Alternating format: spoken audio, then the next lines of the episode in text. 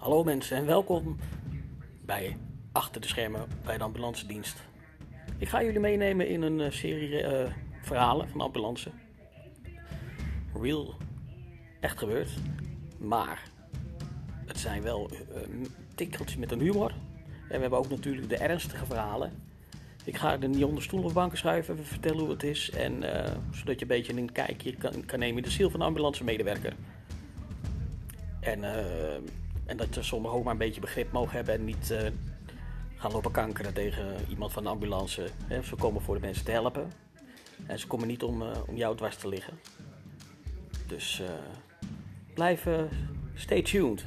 Wordt zeker boeiend.